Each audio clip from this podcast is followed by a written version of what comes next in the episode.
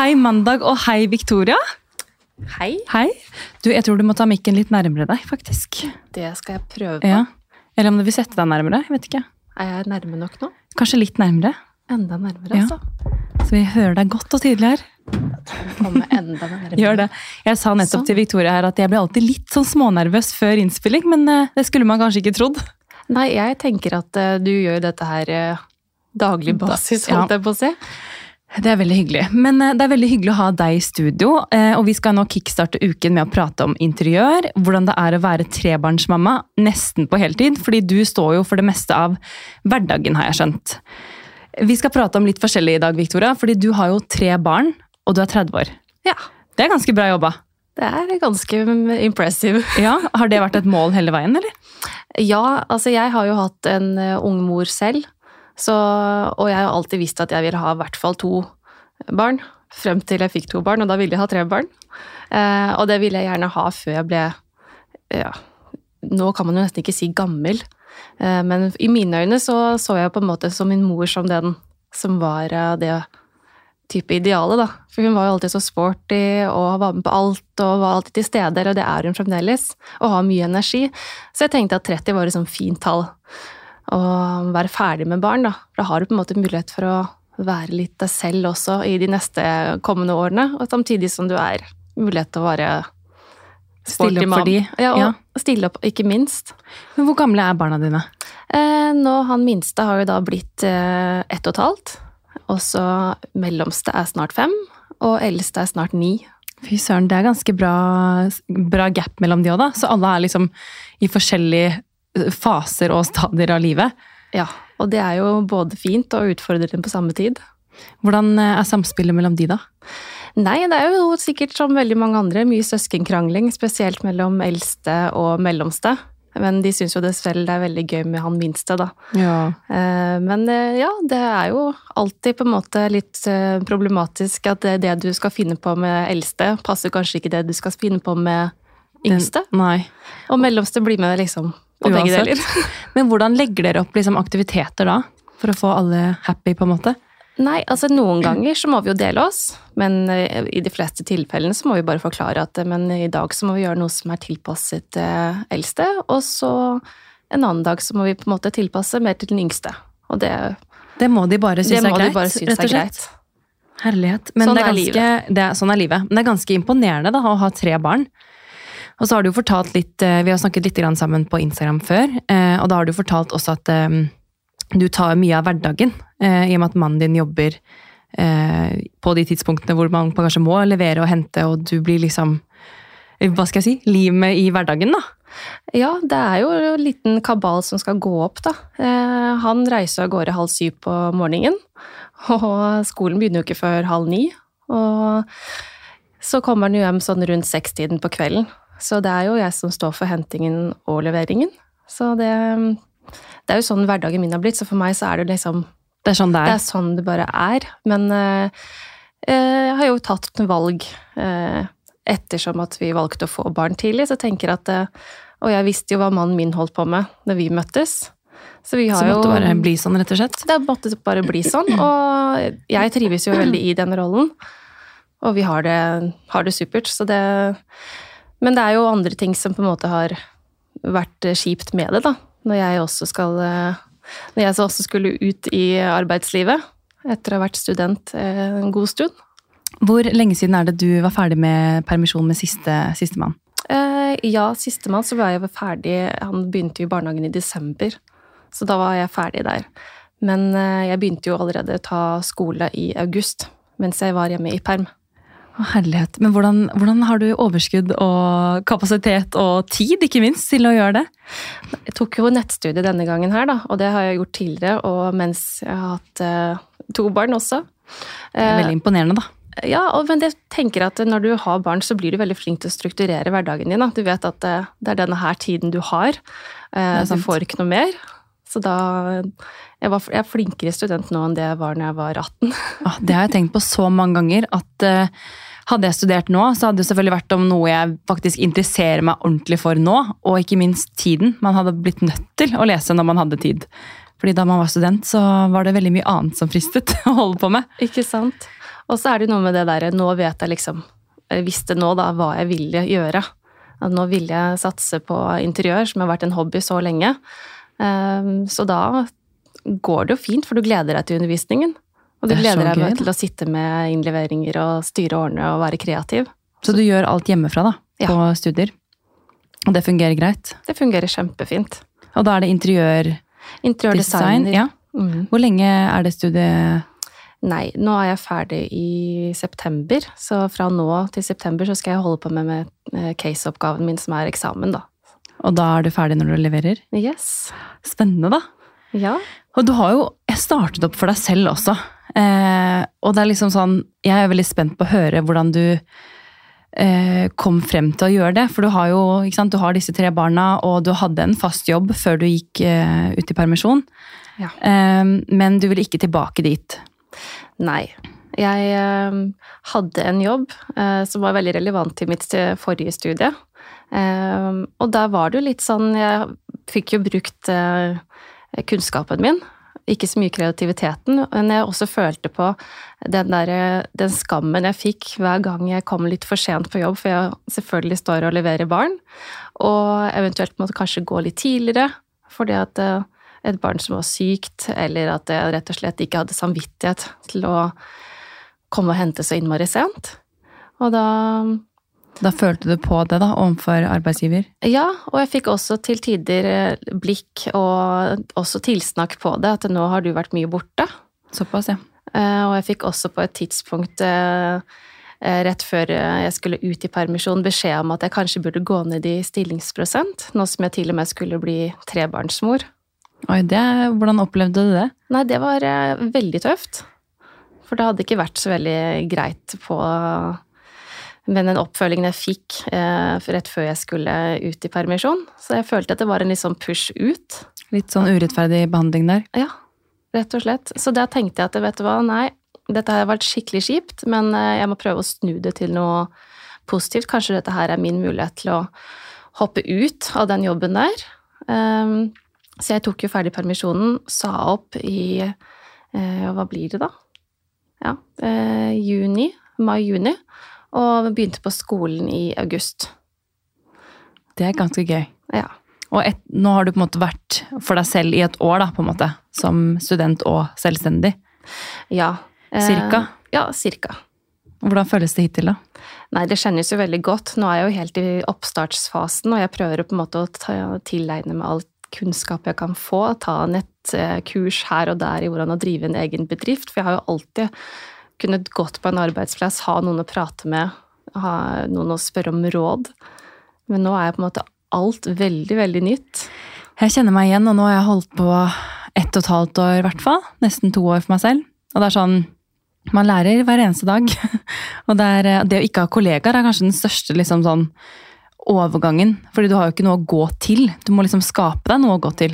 Og det husker jeg jeg syns var liksom ja, den største overgangen, egentlig. For jeg har alltid elsket å ha kontor, kollegaer, eh, og ha et miljø, da. Og ikke minst ha et sted å komme til på morgenen. Eh, men det blir jo litt sånn, man legger opp hverdagen litt annerledes, da. Og spesielt når man har barn, så finner man liksom andre måter å, å løse hverdagen på. Ja, det blir litt kontor på kjøkkenet, litt i stuen, litt på soverommet, eh, litt på mobilen. Eh, Men nå har jeg vært så heldig at jeg kommet over en dame som skal åpne et showroom. Eh, Oi. Så jeg skal inn i lokaler nå i slutten av juli, starten av august. Wow, gratulerer. Det er veldig spennende, da. Det er kjempespennende. Og da har vi jo felles interesser, og vi måtte jobbe rundt de samme tingene, da. Så det er Det er bra. veldig, veldig bra. Og så er det veldig sentralt. Det er eh, bare ett minutt fra der jeg bor, så jeg kan være lett tilgjengelig også, og strukturere hverdagen bare derfra, da. Perfekt. Hvordan kom dere i kontakt, da? Nei, Jessheim er ikke så stort, da. så nei, hun eh, var en bekjent av eh, en jeg har snakket en del med før. Så hun sa bare ta kontakt, og det er litt den der ok, skal jeg ta, bare ta kontakt med noen jeg aldri har snakket med før. Men så da plukket jeg opp telefonen, og hun var superhyggelig. Og var eh, veldig begeistret over at jeg var snart ferdig på skole. Syntes ikke det var noe negativt at jeg ikke hadde noe særlig erfaring.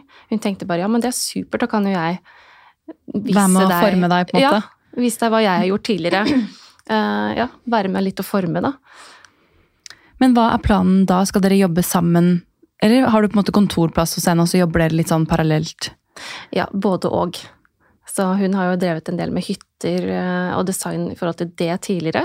Så de på en måte kundene hun ikke eh, har tid til selv, på en måte da spør hun meg, da. Ja, Så hun har litt flere ben å stå på, på en måte? Ja, og jeg er jo bare lille meg, og mitt lille AS enn så lenge, så jeg har på en måte ikke eh, markedsført meg så veldig utad enda, og ikke noe særlig kunde... Kundebase? Ja, Men det er perfekt å få nå, da. Og hvor du kan liksom bli kjent med kunder via henne. Og altså, alle må starte et sted, da. Og jeg tror det er perfekt å liksom kunne være eh, sammen med henne også, for da kan man spare litt og Ja, absolutt. det kommer til å bli veldig spennende. Det gjør det. Men har du alltid vært interessert i interiør? Ja, altså jeg har jo det. Jeg tror mamma og pappa har klødd seg i hodet så mange ganger når de kom hjem og jeg har ommøblert hele stuen. Det var kanskje ikke like bra da jeg var åtte-ni, liksom, men eh, Såpass, ja. jeg har holdt på kjempelenge og syns at det var kjempekult. Jeg husker til tiårsdagen min så ville jeg ha limegrønne vegger og sjakkgulv. Altså, jeg hadde vært veldig mye spesifikke ønsker, da, opp igjennom. Det er ikke det dere har hjemme nå? Nei, ikke, ikke nå. Men jeg, jeg har på en måte alltid visst at det, det var noe som ga meg noe positiv energi, da. Eh, Men når vi, via mannen min kjøpte hus eh, på Jessheim, og det var jo en gammel, eller det er en gammel sveitsvilla fra 1923, og det var jo panel i vegger og på tak, og det var sånn stritapet og Mye som måtte gjøres. Ja, det var mye som måtte gjøres. Sånn egentlig ikke, men for oss som ville ha det litt mer moderne, så var det jo en god del som måtte gjøres. Men hvordan, Jeg følger jo deg på Instagram og vet jo hvordan det ser ut eh, hjemme hos dere. Men hvordan vil du beskrive stilen din til noen som ikke vet hvordan du har det? Ja, det var litt sånn rart å beskrive stilen min, for den forandrer seg uke til uke, Ja. egentlig. Men eh, akkurat sånn som det er hjemme nå, så er det jo ganske moderne. Eh, men også ganske, hva skal man si eh, Kan man si litt nordisk, på en måte? Ja, litt nordisk. Ja. Og så er det jo litt den blandingen mellom old meets new, da. Ja. For vi har på en måte valgt å sette pris på noe det gamle huset hadde. For eksempel den trappen er jo veldig herskapelig og fin og gammel. Så istedenfor å gjøre noe med den, så har vi latt den stå. øh, Slipt ned gulv for å få frem den litt sånn ja, den gamle stilen der. Og heller satt opp eh, gipsvegger og laget litt mer slette vegger for å få frem det uttrykket. En fin miks egentlig mellom gammelt og nytt. da. Ja. Det er jo det man ser også Jeg elsker å være på Finn. Ja. Eh, Mye inn på Finn for å hente inspirasjon, og tenkte jo kanskje å få litt tips fra deg i dag òg, da. Fordi at eh, vi har en leilighet som må pusses opp litt. eh, Og da er det liksom sånn Hva er det man bør gjøre hvis man skal på en måte få mest mulig for minst mulig penger, da, hvis man skal pusse opp. For det er sånn, det føler jeg veldig mange står øh, overfor. At man liksom kanskje skal selge leiligheten om noen år. Og så er det sånn, ønsker man ikke å putte inn for mye, for man vil jo få tilbake det man, øh, det man legger inn. da. Eh, Så vi er liksom litt sånn For oss så tror jeg ikke det lønner seg å totalrenovere, fordi vi ikke kommer til å få det tilbake, i og med at vi skal kanskje selge om noen år. Så vi er liksom litt sånn Hva skal vi gjøre med leiligheten? Og det er sånn Har du noen tips til liksom sånn små endringer man kan gjøre for å få liksom et bra, en bra forskjell, da, på en måte? Ja, nå har jo ikke jeg vært hjemme hos deg, da, for Nei, du viser jo ikke. ikke så mye av ditt hjem på din Insta. For Nei, jeg følger jo deg er noe fint. sånn. Ikke noe fint der? Nei da. Jeg får komme hjem og ta en titt, da. Ja, det er, det er en gammel leilighet med strittapet eh, i flere av rommene. Og det er liksom eh, en del gamle detaljer, men det er jo nymalt og ser jo fresh ut, på en måte. Men nå føler jeg ikke liksom det er noe gjennomgående stil. Mm. Det er liksom litt sånn Vi har tatt med våre gamle møbler fra tidligere leiligheter og liksom bare landet alt der. Så jeg føler liksom at vi må Enten så må vi bruke det vi har, og liksom adde på flere elementer og gjøre det litt mer vårt, eller så må man liksom begynne på scratch. Ja, det er jo litt med det, da. For det er som du sier, da, du har tatt med deres gamle møbler som passer sikkert veldig bra til den leiligheten. Og så er det kanskje ikke akkurat de møblene som ville Passe her. Ja. Jeg merker sånn som Sofaen for eksempel, er liksom altfor stor for rommet. Og det er sånn jeg aldri hadde tenkt på før, men det er sånn nå som vi har bodd i leiligheten i over et år, så er det sånn, ok, men den sofaen her er jo altfor stor til den stuen her. Mm. Og det er sånn man kanskje ikke tenker på, da. Nei, og det er jo disse tingene jeg vil hjelpe mine kunder med. da. Eh, Å kunne tegne opp rommet og visuelt vise det i 3D, hvordan det vil føles og, og blir seende ut. da. Men det er jo mye som gjør seg med litt maling. Yes. Og kanskje noen tepper, Eh, som du sier, skal man på en måte bruke veldig mye penger, eller skal man bruke lite penger? Det er jo Ja. Er det sånne ting som eksempel male kjøkkenfronter? Eh, det er jo ting som på en måte Det har vi faktisk vurdert. Ja, ikke sant? Mm. Det kan heve ganske mye bare der. Det jeg prøver å tenke på er sånn, eh, den dagen vi selger, hva er det jeg ville reagert på eh, når jeg hadde kommet inn her? Som Mm. kanskje eventuelt en ny kjøper ville tenkt at oi, jeg vil ikke ha det sånn. Så det tror jeg også liksom kunne vært smart å tenke på. Ja, altså da er det jo greit å sikkert ikke velge sånn crazy farger her Nei. og der, for det er jo, som du sier, det var vel på en måte neste se Like etter når den kommer inn i vår leilighet. Så Nei, det er jo nøytrale farger, da, hvis du skal på en måte tenke på videresalg. Mm. hva som passer dere best, og hva. Ja, dere er trives med, er jo noe helt annet. Det er ikke så lett, og jeg synes det er vanskelig sånn En ting er å finne sin personlige stil i forhold til klær, for det føler jeg liksom forandrer seg. Du kan jo gå med én ting den ene dagen og en annen ting den andre dagen, men du kan fortsatt ha litt samme stil, bare du liksom bytter ut? Du hadde jo en kjempefresh eh, mønstrete jakke, men under så har du egentlig ganske sånn basic antrekk. Du har en tanktop og en blå bukse, Mm. og så liksom spriter du opp med den jakken. Da. Det syns jeg er veldig kult. Men det er sånn, i en leilighet da, så er det sånn, da vil man jo safe litt mer. Ja, men hvis du skal se for deg leiligheten som eh, tanktoppen og jeansen, da, så Ja. tenker du at, eh, at det er vegger Jakken er pynteputtene, liksom. Ja, ikke sant? Ja. Det er ting som jeg tenker når jeg eh, innreder hjemme hos meg, da. Det er at ja, jeg kan ha ja, beige vegger og lys sofa og lys teppe og sånne ting, men det er kjempeenkelt å bytte ut puter i, forhold til jul, til høsten, til sommeren, og det er bare okay, kaster jeg på noen eh, rosa eller oransje puter, og så legger jeg inn et uh, kult teppe, og så har jeg gjort et helt annet uttrykk. Og så elsker jeg å sitte på Finn, da. Kan bytte sofabord eh, et, ja, par ganger i uka. Da. Ja, hadde det vært opp til meg, så Men så handler du mye på Finn, altså. Ja, Mm. prøve i hvert fall. Ja. Men eh, er jo ganske dyrt. det er ganske dyrt, og jeg prøver jo Hvis jeg har tenkt til å bytte ut etter hvert, så tenker jeg jo at jeg må selge innen en viss tid før det på en måte er nedslitt og ikke er du får noe særlig igjen for det. Så jeg passer jo alltid på at eh, jeg bruker det pent. Barna Mm. får ikke sitte og spise is og sjokolade og middag i våre møbler. Da lager vi piknik på gulvet, legger ut masse tepper og puter og, som er barnevennlige. Ja, er perfekt, da. Og de tar den eh, regelen ganske fint. De forstår det kjempegodt, og har vi hatt veldig lite uhell. Vi har jo sånn deilig, stort, hvitt flosseteppe som alle tenker ja, vet du hva, det ville jeg aldri Hatt med barn, liksom. hatt med barn. Og jeg har lys sofa, jeg har hvit stol. Det har gått kjempefint. Som sagt, Alt tre er mulig. barn. Det, alt er mulig. Men du, vi må jo snakke litt mer om barn. For det er sånn, du har tre barn, og du strukturerer mye av hverdagen selv. Hva er det du gjør i hverdagen for å få ting til å gå rundt på en smooth måte med tre barn? Altså, holdningen gjør jo ganske mye, da. Hvis du står opp og er åh, gud, i dag også skal vi opp klokken fem. Det har vært fem de siste dagene, og så seks. Da var det ganske deilig å stå opp klokken seks, altså. Mm. Men da Det blir jo litt sånn at du Ja, det gjør du Ja, hva heter det for noe? Det blir hva du gjør det til. Yes. Um, så kommer du smilende ned trappa, og barna er fornøyde, så går dagen veldig fint. Men det blir jo sånn eh, opp, stelle seg, eller ikke stelle seg så veldig mye selv. Det er meg kommer til sist. Barna skal først. Og han minste står opp først, mellomste nummer to, og eldste blir vekket sist. Og da er det standard ned til frokost eh, på kjøkkenet. Alle sitter langs eh, kjøkkenbaren, og det er veldig koselig Ja, det er hyggelig. spiser frokost sammen og smører matpakker. Og så er det å følge til barnehagen som ligger rett ved siden av skolen, så det er veldig hyggelig måten vi starter dagen på, for alle er sammen. Det er koselig, da. Og så har jeg da muligheten til å følge klokken ja, vi går vel kvart over åtte, så er vi på skolen halv ni. Og så begynner min dag etterpå. Da er det bare å forte seg hjem og få på seg litt eh, i ansiktet og få på seg noen andre klær. Og så er dagen i gang. Men hvordan har du, for nå har du jo eh, både student og eh, jobber for deg selv, og har jo ikke holdt på med det sånn veldig lenge, men hva slags, altså, hvordan ser en vanlig arbeidsdag ut for deg?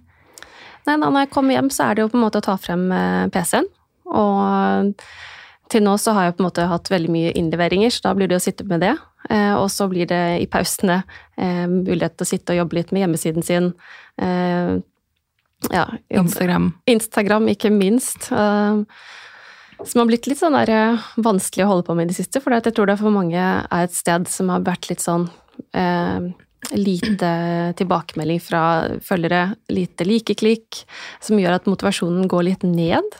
Eh, ja, følger på den. Ja, så det har jo vært litt sånn vanskelig å prioritere akkurat det nå, i en oppstartsfase der bedriften skal komme først, og skole samtidig. Eh, men ja, jeg liker Har du TikTok, egentlig? Nei. Nei. For det er jo Ja, jeg har begynt litt med TikTok, og det er sånn, algoritmen der er jo helt annerledes. Det er tydeligvis the place to be, da, så vi skulle jo vært der for to år siden. Ja, jeg har jo skjønt dette her, og flere spør jo og legger ut på Story burde jeg gå over på TikTok. Og jeg tenker nei, ikke gjør det, for da blir det mer press på at vi også må gjøre det. Jeg vet det, men det er sånn um, Jeg har ikke lagt ut veldig mye på TikTok. Nå har jeg liksom bare lagd, lagd noen veldig enkle videoer bare sånn for å sjekke responsen. Og det er sånn Si at jeg har uh, 50 følgere, da.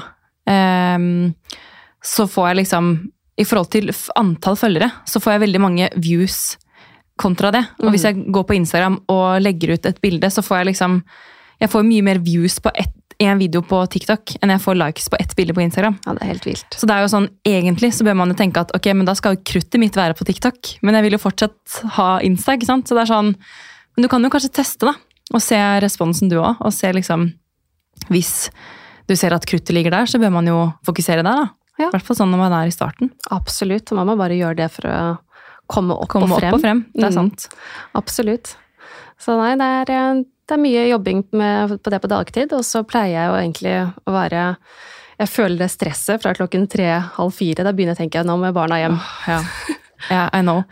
Vet du hva, jeg klarte faktisk å um, her om dagen så skulle jeg hente i barnehagen, og når, jeg, når klokken nærmer seg fire, da føler jeg sånn Jeg tror jeg bare har en sånn indre tanke om at barnehagen stenger fire.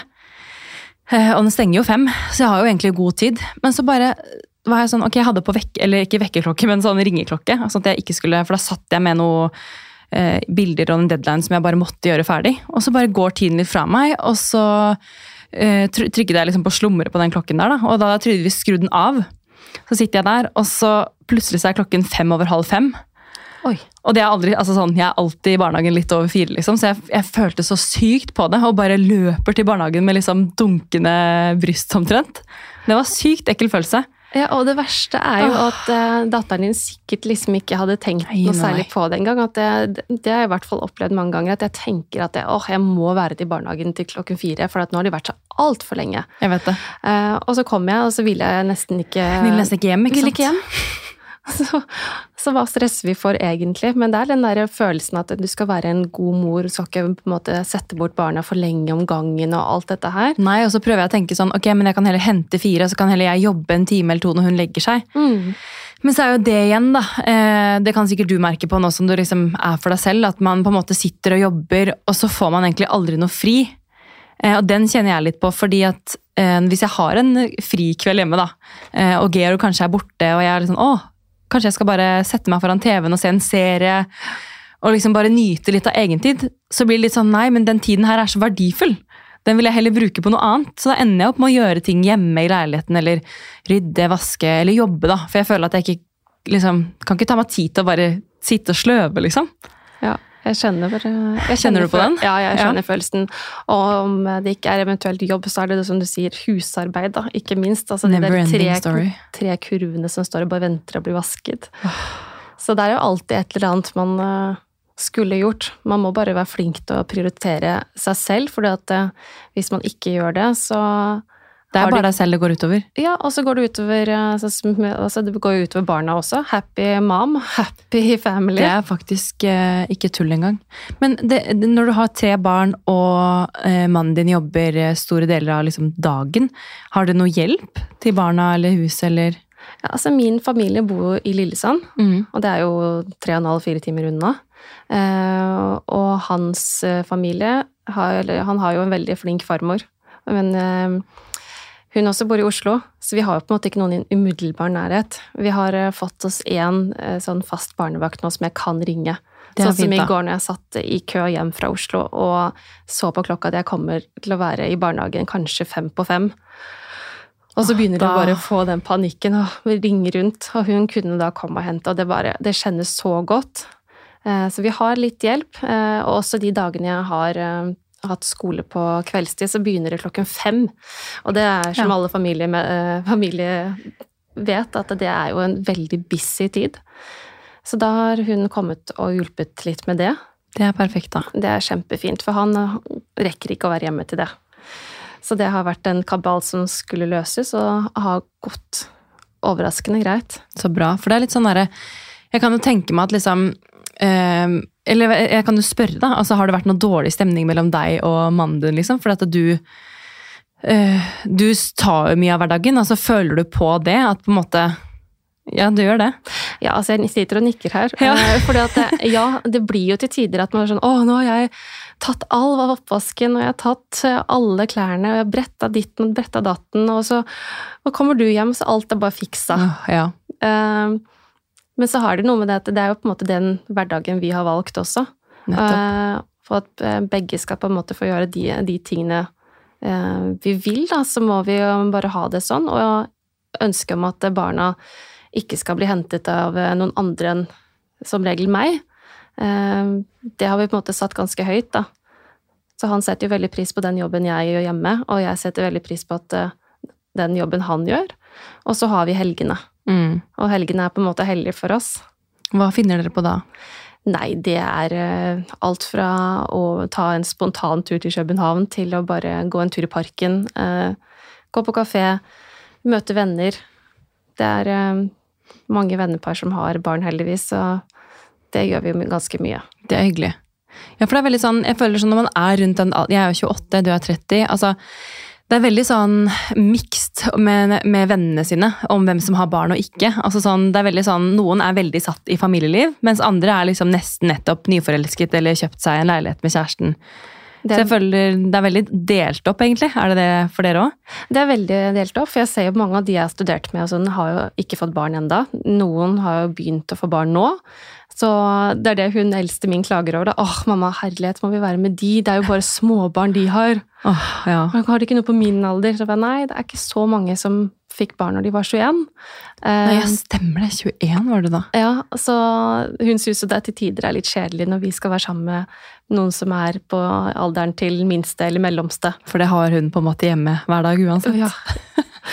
Så da, da må vi jo dele oss og finne på litt andre ting. Og hun er jo stor nok til nå å ta, slenge seg på sykkelen og gå og ringe på hos venninner. Ja. Så hyggelig. Det er sånn, det er sånn barndomsminner. Ja. Men du, vi må jo snakke litt om graviditet og fødsel også. Eh, når du har opplevd dette tre ganger. Det er ganske rutinert, du da. ja, og jeg syns jo fødsel er helt fantastisk. Så det er nesten litt sånn eh, emosjonelt å tenke på at det ikke skal være verken gravid eller skulle føde igjen. Ja, for nå har dere liksom satt en stopper. Ja, Mm. Nå har jeg fått tre for 30, og det er supert. Det var målet. Det var målet, og det har vært kjempeheldig som har fått eh, muligheten til å oppleve det. Men nå må man bare tenke at det, nei. Nå, Nå er det andre ting som Ja, og én ting er når de er babyer, og fantastisk fase det, men jeg merker jo nå med hun som er snart ni, at det er jo kommer en ny fase som er vel så krevende. Ja, for hva, hva er det liksom som står i hodet på henne om dagen? Hva syns hun er gøy? Og... Nei, hun syns jo det er gøy å være med venner. Eh, Hun har jo heldigvis eh, idrett. Hun har både golf og dansing, som hun er begge deler kjempeflink i. Så man merker at man blir en sånn overengasjert både far og mor. Nesten litt sånn ok, men skal ikke hun være på golf i dag? Nei, nei, nei, hun må på dans nå. Altså, vi er litt sånn, Han er kjempeglad i golf, og jeg er jo tidligere da danser og turner, så Ah, da blir det litt sånn ja, ja, ja. Men eh, vi må ha tid til begge. vi må ha tid til begge. For hun er jo kjempegod i begge deler. Så nei da.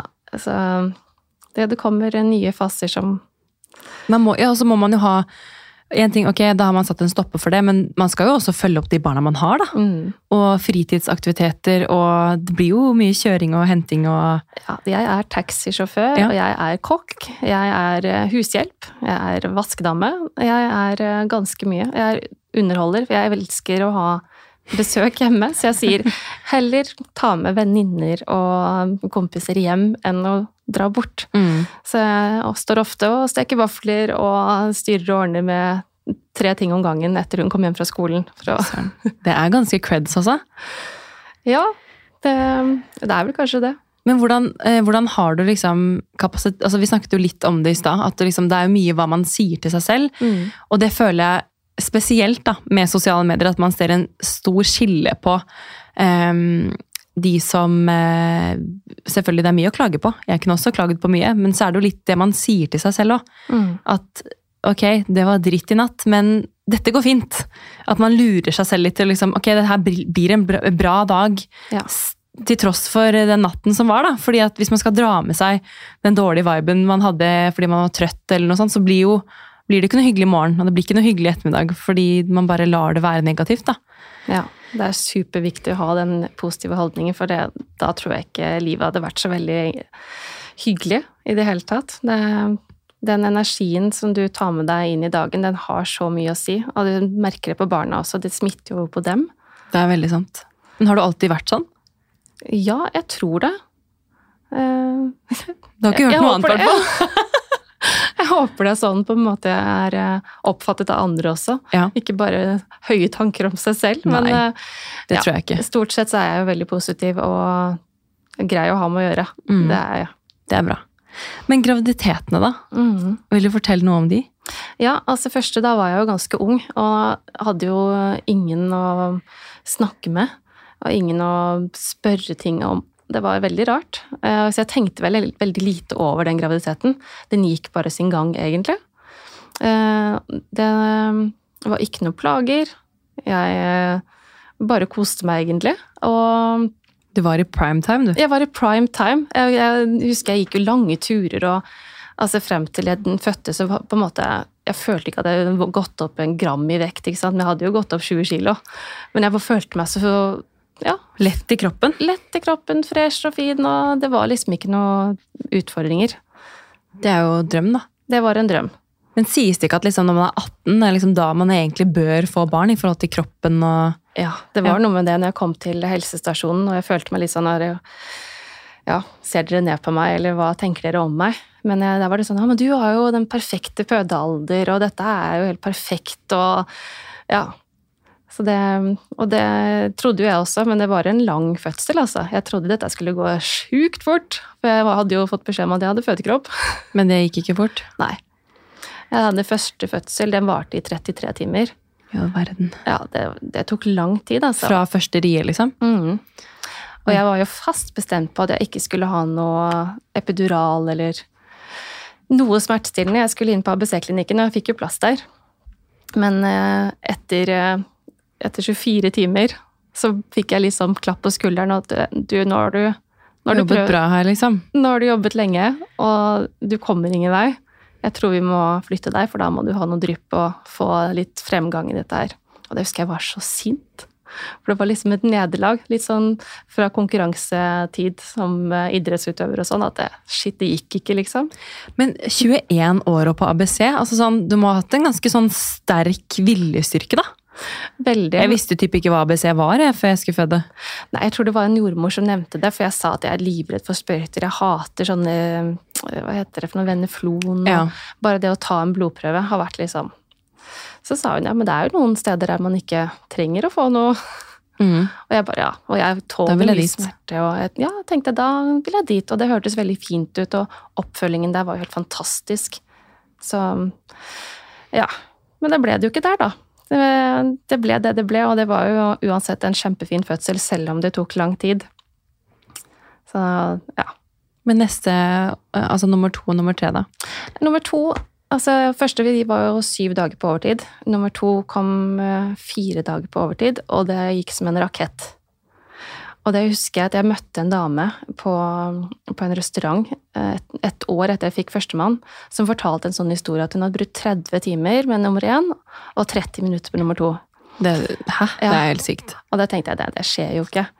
Så jeg husker at vi måtte jo være litt sånn logistikk når man har to barn, ikke sant. Så da begynte, når jeg begynte å få litt rier, så tenkte jeg nei, må vi bare kjøre eh, frøkna til eh, farmor. Barn, Ja. Og så, mens vi gjorde det, så kjente jeg at det, men disse riene er jo ganske tette. Det var sånn fire minutter mer enn hver ri. Eh, Så da tenkte vi vi kan ta en tur innom føden, bare for å sjekke. Eh, Og da hadde jeg fire centimeter, og da var det egentlig ganske fin, fin tid. Mannen satte seg ned med Netflix og bare tenkte at nå må jeg bare benksette meg, for dette tar jo lang tid. Og jeg satte meg opp i badekaret, og plutselig så sa det bare pang. Og var det, det var etter en halvannen time. Og da var det bare som en sånn bowlingkule som jeg bare følte gikk nedover i kroppen. Og jeg bare, hva er det som skjer? Nå skal var- jeg føde, liksom. Og dette var også på ABC. Men dette var jeg jo ikke forberedt på, så jeg fikk jo totalt panikk. For jeg bare Dette her gjør så vondt. Ja, det, kroppen er vel ikke klar for hva som skjer da, altså når det går så fort? Nei, etter en og en halv time, liksom. Da hadde ikke gjort noe, gjort noe vondt. Og da det bare plutselig smalt, så fikk jeg helt sånn Jeg bare lå i fosterstilling og sa 'jeg må ha noe', jeg må ha noe. og du må sjekke hvor langt jeg er eh, åpning og sånn. Og da var det en jordmor som sa 'nei, men du har bare fire centimeter enda'. Og det bare, det kan jeg ikke forstå. Og da må jeg ha noe nå. Mm. Og da ble det jo bare sånn at ja, men da fikk de bare hente en rullestol i all hu og hast, og kjøre meg ned på neste avdeling. Og når jeg kom dit, så hadde jeg jo bedt om å få epidural med en gang. Og, og de bare nei, Det rekker vi det ikke. rekker vi ikke. Du presser jo. Jeg bare nei, det, det gjør jeg ikke. Så da, etter etter at jeg kom ned dit, så var hun født på jeg tror det var ti minutter. Ja. Men hvordan går det an når man har en så lang fødsel? For første, altså Jeg lurer på hva, hva som liksom har noe å si da? Nei, det vet ikke jeg heller, men det er kanskje litt at det er aldri at hun bana litt vei, eller Ja, hva man være. skal si, men det gikk jo i hvert fall som en rakett i forhold. Og det var jo en kjempefin fødsel, og hun, hun så Jeg husker jeg tenkte på det, for først var litt sånn der, hun hadde litt sånn der belegg på seg. Var det dette er voksen, eller et eller annet, så hun så litt rar ut og var litt sånn grisete. Mens nummer to, når hun kommer, så så det ut som hun hadde vært nede i vannet først. Hun kom ut som en sånn Lano-baby. Jeg bare herregud, hva er dette her? Dette her er noe nytt. Ja, dette var noe nytt, og det var jo et sånn drømmescenario, egentlig. Eh, så så det var nummer to.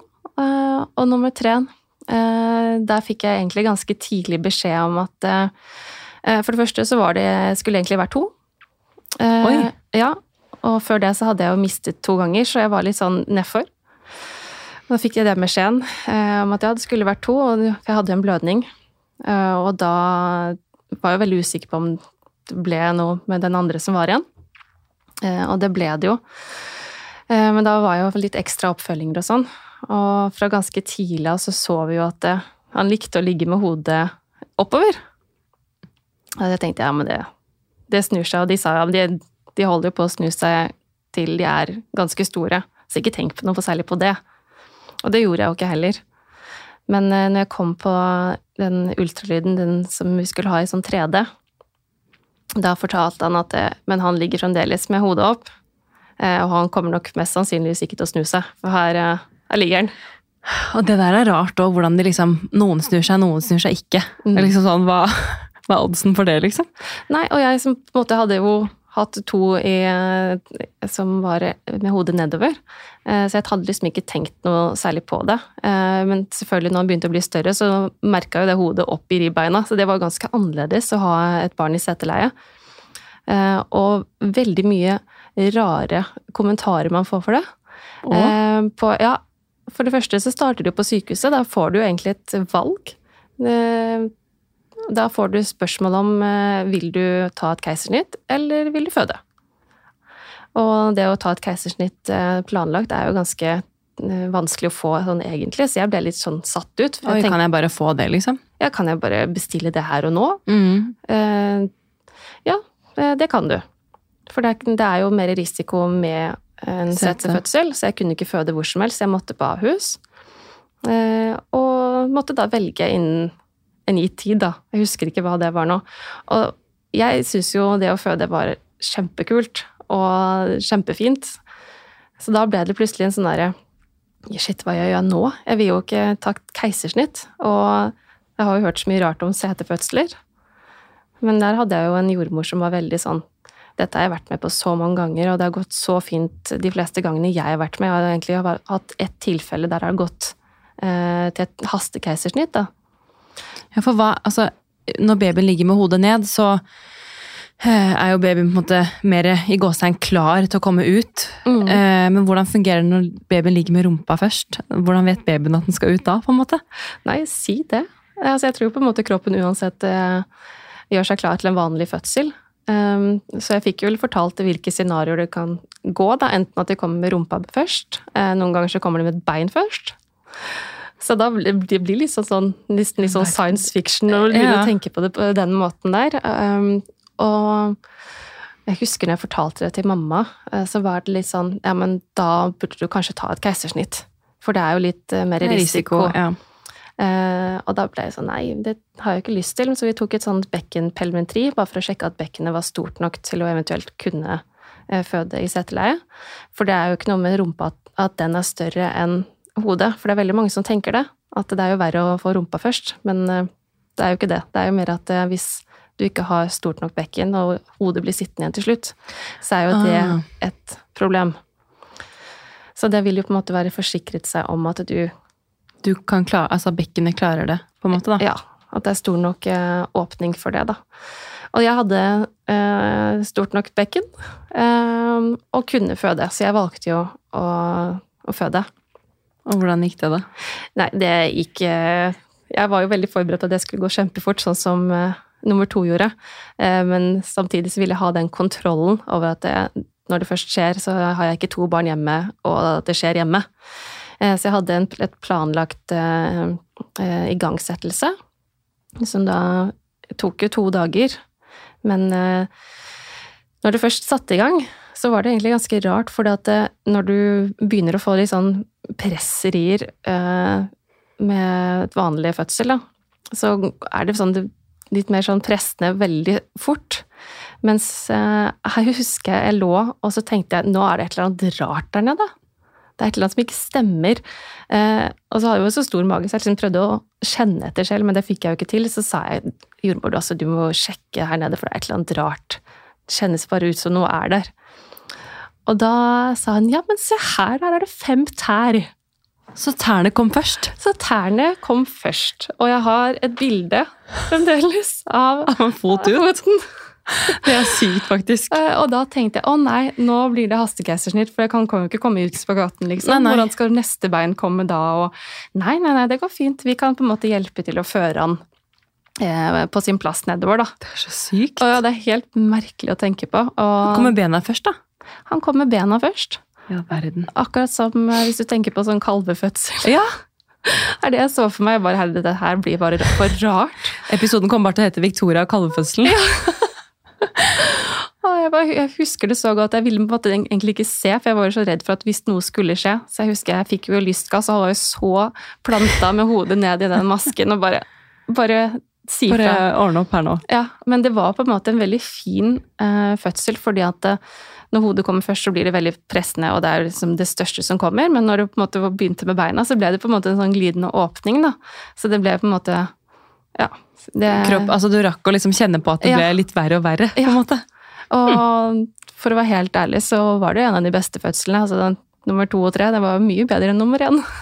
Men det er, jo, det er jo sykt at man kan føde i det hele tatt. Og tenk at du har opplevd det tre ganger. Det er ganske vilt. Det er ganske vilt. Men du, det var veldig hyggelig å ha deg i studio, Victoria. Du får masse lykke til med både studier og jobb fremover. Og hverdagen med tre kids. Jo, tusen takk, og det har vært så koselig å være her. Det er så rart å høre stemmen din sånn i virkeligheten. Det er veldig hyggelig. Vi har jo chattet litt gjennom eh, permisjonstiden, og ja, det er veldig hyggelig. Og jeg har hørt, hørt på deg hele permisjonstiden mens jeg har vært ute og trillet på minstemann nå. Det er veldig hyggelig. Det er veldig hyggelig. Da har, vi, da har, vi nådd, da har jeg nådd målet mitt, for det var liksom Goalen var liksom å kunne ha eh, Skape min egen lille barselgruppe, da. Og ha folk som kunne sette på Mamlife på øret mens de er på trilletur. Ja, det har vært så koselig, spesielt under covid også, at du nesten kjenner at, du, at man kjenner hverandre. Ja, det er veldig hyggelig. Tusen takk for at du kom. Takk.